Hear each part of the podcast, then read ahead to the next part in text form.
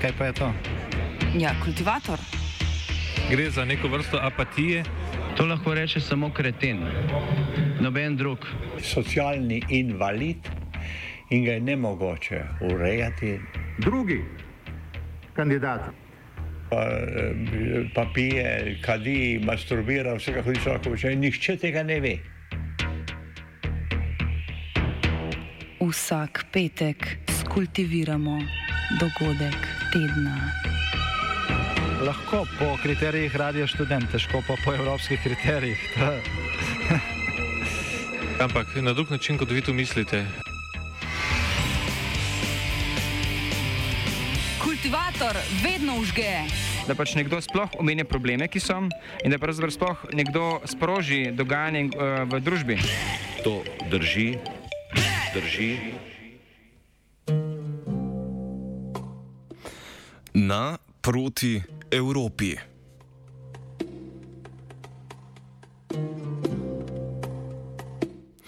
Slovenija od 1. julija drugič predseduje svetu EU. Prvič je to vlogo prevzela pred 13 leti, leta 2008. Slogan tokratnega slovenskega predsedovanja pa se glasi: Skupaj, odporna Evropa. Države svetu EU predsedujejo po šest mesecev po vnaprej določenem sistemu rotacije. Vsebinska naloga predsedujoče države članice je vodenje dela sveta, predvsem pa usmerjanje zakonodajnega dela EU in oblikovanje skupnih stališč sveta za kasnejše pogovore z Evropskim parlamentom in Evropsko komisijo. Od predsedujoče članice se pričakuje, da bo neutralen posrednik, ki ne poudarja lastnih interesov. ما يستحق الحياه Trio predsedstev sestavljajo države članice, ki predsedujejo ena za drugo. V 18-mesečnem obdobju tako pripravljajo skupen program dela in prednostne naloge, na podlagi katerih potem vsaka od treh držav pripravi podrobnejši šestmesečni program. Slovenija je tokrat v triju z Nemčijo in Portugalsko, ki sta predsedovali pred njo.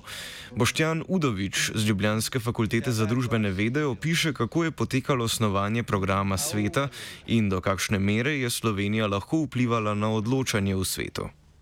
Mislim, programi se delajo na dveh ravneh. Najprej se program naredi v okviru trija, torej spomlane trojke, ne, uh, Nemčija, Portugalska, Slovenija, to je ta širok program in prioritete seveda neki je podedovane agende, skratka tega, kar smo mi podedovali od prejšnjih predsedstev in bomo poskušali spraviti skozi. Jaz kot našo, ekskluzivno našo točko vidim predvsem Zahodni Balkan, verjetno, če Slovenija ne bi bila tista država, ki predseduje Zahodnega Balkana, trenutno ne bi bilo na agendi. Tako da uh, to je edina tista točka, ki je prav slovenska v navednicah. Vse ostalo je načeloma v okviru trija nastalo oziroma je del podedovane agende, kot je ne vem, razprava o prihodnosti Evrope, strateška avtonomija Evropske unije uh, in seveda tudi odpornost, ki, se, ki je stvar, ki jo imamo odkar je COVID izbruhnil in je to zelo pomembna točka. Tako da Zahodni Balkan gotovo praktično edina resna slovenska točka, vse ostalo so pa del trija oziroma podedovane agende. Slovenija tokrat svete v EU predseduje prvič po sprejetju Lizbonske pogodbe decembra 2009, v skladu s katero se je pristojnost Evropskega parlamenta razširila na okoli 40 novih področji. Sam Evropski parlament pa si od takrat zakonodajno funkcijo deli še s svetom EU. Doktorica Sabina Lonš, izredna profesorica na Ljubljanski fakulteti za družbene vede, izpostavi, da z uveljavljenimi spremembami iz Lizbonske pogodbe Slovenija več ne bo predsedovala Evropski uniji in svetu EU za zunanje zadeve. Torej, Lizbonska pogodba je v veliki meri spremenila naloge predsedojoče in sicer zlasti v njenih dveh dimenzijah. Na eni strani je to tista zunanja dimenzija, tista, ki smo jo leta 2008 najbolj opazili. To pomeni zunanje predstavljanje držav članic Unije, to pomeni srečevanje na vrhu, kot je recimo bilo takrat z ameriškim predsednikom v Sloveniji. In teh aktivnosti je bilo ogromno, to je pomenilo, da je Slovenija vodila koordinacijo in predstavljanje držav članic EU tudi v mednarodnih organizacijah, recimo v New Yorku, tega sedaj ni več. Zato je Lizbonska pogodba spostavila lastne strukture, zato imamo zunanjo službo EU, pa visokega predstavnika in predsednika Evropskega sveta. Tako da ta del je odpadel, z tega vidika je organizacijsko predsedovanje zdaj dosti lažje. Po drugi strani je pa Lizbonska pogodba okrepila predstavljanje sveta, vlogi predsedojoče navznoter med institucijami EU. In to je pomembno zato, ker je Lizbonska pogodba dala Evropskemu parlamentu dosti več pristojnosti v zakonodajnih postopkih. Program slovenskega predsedovanja izpostavlja štiri prednostne naloge, ki jih bomo pojasnili v nadaljevanju. على هذه الأرض ما يستحق الحياة Prva zapisana prednostna naloga je odpornost in okrevanje Evropske unije. Tu si bo Slovenija prizadevala za prispevek k izgradnji trdnejše in odpornejše unije, ki pa bo to morda postala šele mnogo po koncu našega predsedovanja. Govori dr. Sabina, prej sem jo nazval kot Lonš, verjetno je Lange. Prva naloga, konkretnost, je napredek na zakonodajnih predlogih, tistih, ki se tičejo predvsem izhoda iz krize in pa izgradnje odpornosti. Um, tukaj gre za večje število zakonodajnih predlogov. Eni so res uh, vezani na krizo, drugi so vezani bolj na odpornost, njih pa, v njih pa spadajo tudi, spadajo tudi tisti, ki se tičejo uh, klimatskih sprememb in zakonov, ki izhajajo iz, uh, iz ciljev vezanih na uh, okoljsko, okoljske cilje. Um, tukaj gre za procese, ki so v različnih fazah. Ne? V povprečju traja vsak tak zakonodajni postopek del 18 mesecev. Kar pomeni, da ko država pride predsedovati, bo enkrat na začetku, enkrat nekje vmes, enkrat bo zaključila. In tako je Slovenija dobila ta te zakonodajne predloge v različnih fazah in ponekod jih bo prepeljala naprej, ponekod jih bo zaključila, ponekod bo pa začela. V vsakem primeru so pa cilji vezani na to, da ne glede na to, na kateri fazi je, to fazo amb z ambicijo opravi naprej. To, to pomeni prednost. Ne? Obstaja še ne, ne vem, recimo 80 drugih zakonodajnih predlogov, ki so nekje, da je mogoče malo previsoka številka, ki, do katerih pa nimamo ravno tako izoblikovanih ciljev napredka, se pa kljub temu dogajajo. Ne?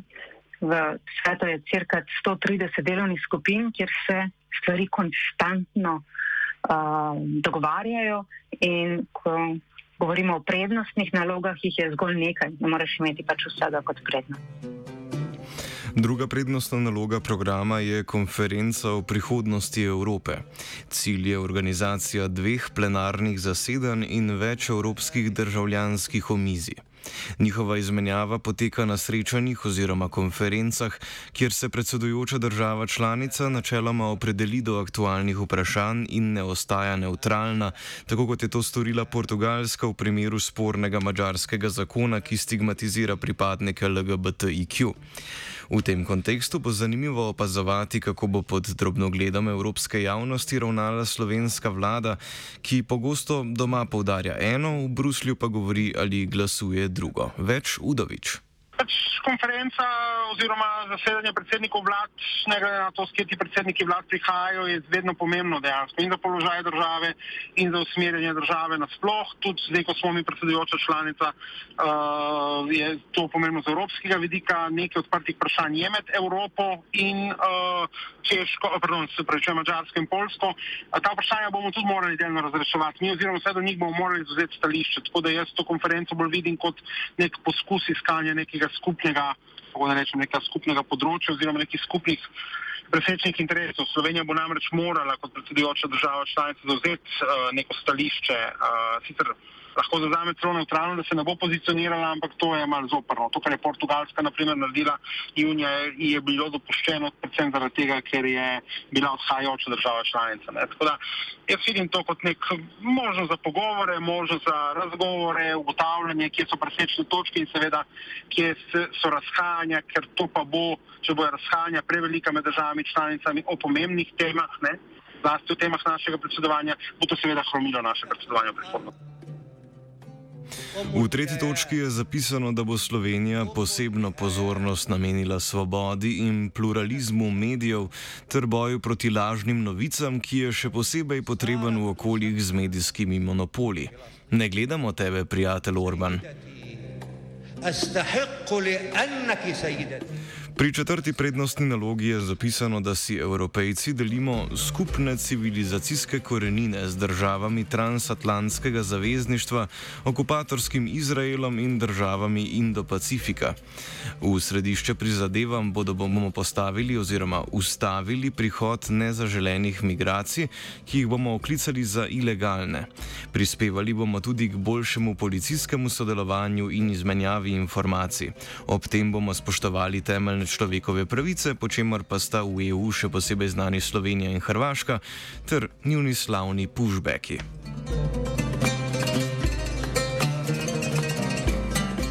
Borili se bomo tudi, citiramo, proti terorizmu ter različnim oblikam verske ali ideološke radikalizacije. Takoj za delom o terorizmu je še navedeno, da naj EU krepi sodelovanje s, citiramo, humanističnim islamom in državami, ki ga izvajajo.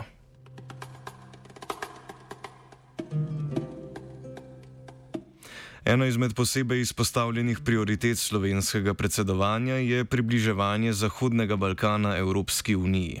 Kot izpostavlja Momčilo Radulovič iz Evropskega gibanja v Črni Gori, se je Sloveniji širitveni proces EU morda nekoliko ponesrečil še pred pričetkom predsedovanja s tako imenovanim non-paperjem, v katerem se riše nove meje na Balkanu in od katerega se slovenska vlada ni distancirala.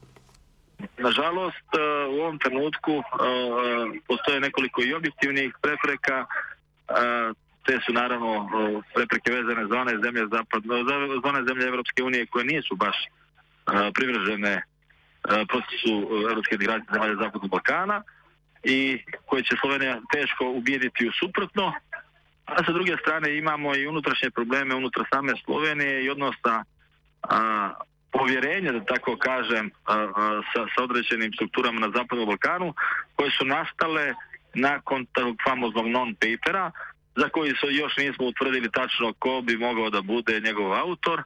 I e, u svakom slučaju, bez obzira na to da li je zaista neko iz vlade Slovenije a, autor tog papira, ali fakat je da a, postoji predominantno mišljenje da zaista strukture vezane za vlast u Sloveniji stoje i makar jednim dijelom iza tih e, navoda. Svi ti navodi i sve te konstrukcije vezano e, za taj non-paper e, su takve da su izazvale podozrenje kod ra- različitih političkih elita na Balkanu, kako u Bosni, tako u Crnoj Gori, na Kosovu, Albaniji. Tako da, da ulazimo u slovensko predsjedavanje sa, sa mješovitim osjećajima. Sa jedne strane, kažem, postoje ti osjećaj prijateljstva, puno nadanja i puno očekivanja da će se nešto ipak pomjeriti na bolje.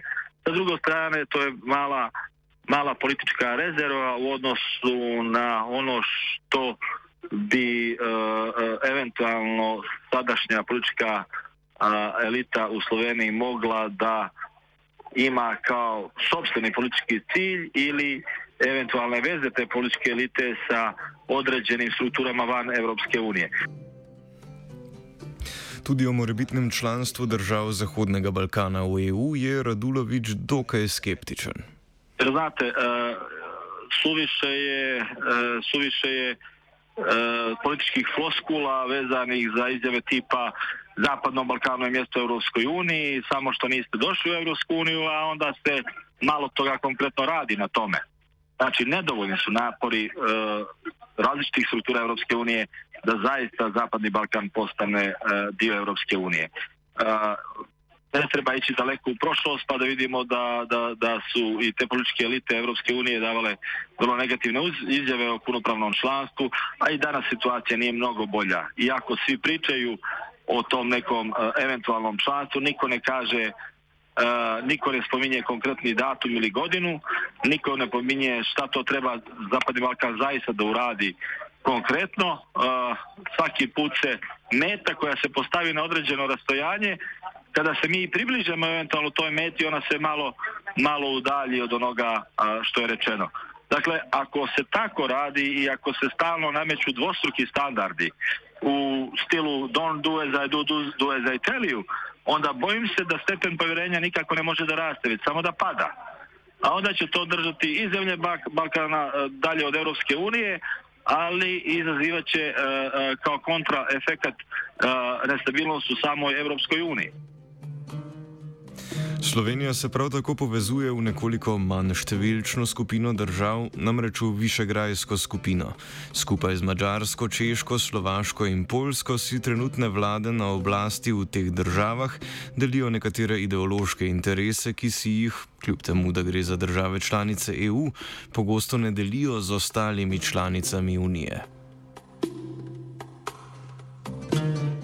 Danes je pri nas potekalo srečanje voditeljev omenjenih držav, v spredju pogovorov pa so bile ravno prioritete predsedovanja svetu EU. Udovic sicer meni, da je tukaj le malo prostora za nacionalne interese. Višegrad je dejansko pač neko združenje nek štirih držav Srednje Evrope. Jaz tu ne bi bil tako ekskluziven, da je pač predsedovanje STU v nasprotju z interesi Višegrada.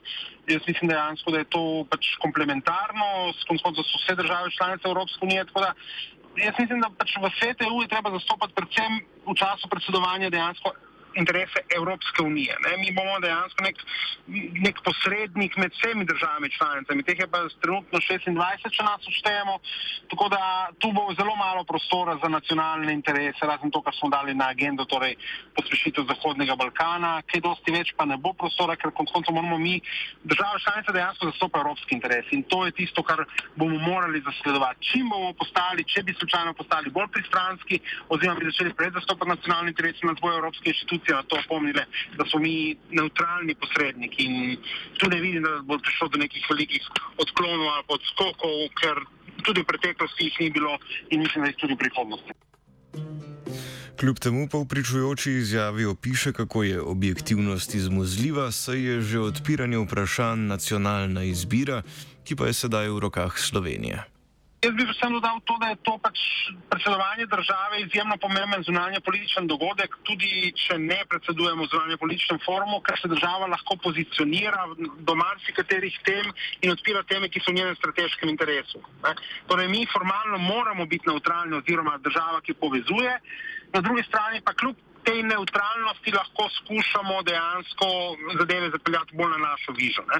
Tako da ali to znamo ali pa ne, pa seveda druga zgodba. To je pa potem stvar in inštrukcij strani pristojnih ministrstv in na drugi strani seveda tudi um, ne vem, volje diplomatov ali pa sposobnosti diplomatov, ki jih imamo doma in tujini. Skratka, to je priložnost, ampak um, zelo pomembno je, da to priložnost znamo noč. V programu Slovenije je mogoče zaznati določene nestrpne drže do migranskega gibanja in islama, ki ga povezujemo s terorizmom, ter pričujoče ponovno kopa, kopanje po zgodovini, tokrat v interpretaciji trenutne vladajoče strukture. Skratka, formalno bomo neutralni, neformalno pa niti ne. على هذه الأرض Kultivirala sta Trontel in AKG. على هذه الأرض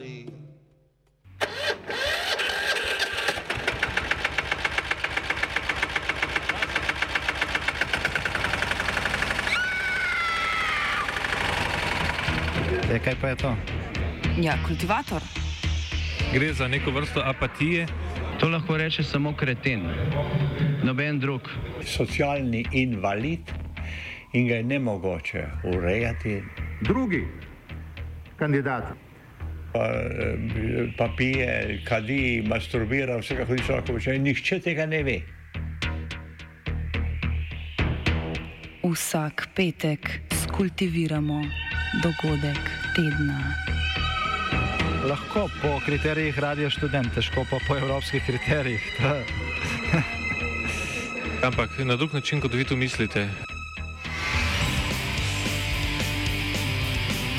Kultivator vedno užge. Da pač nekdo sploh omenja probleme, ki so, in da pravzaprav sploh nekdo sproži dogajanje uh, v družbi. To drži, drži,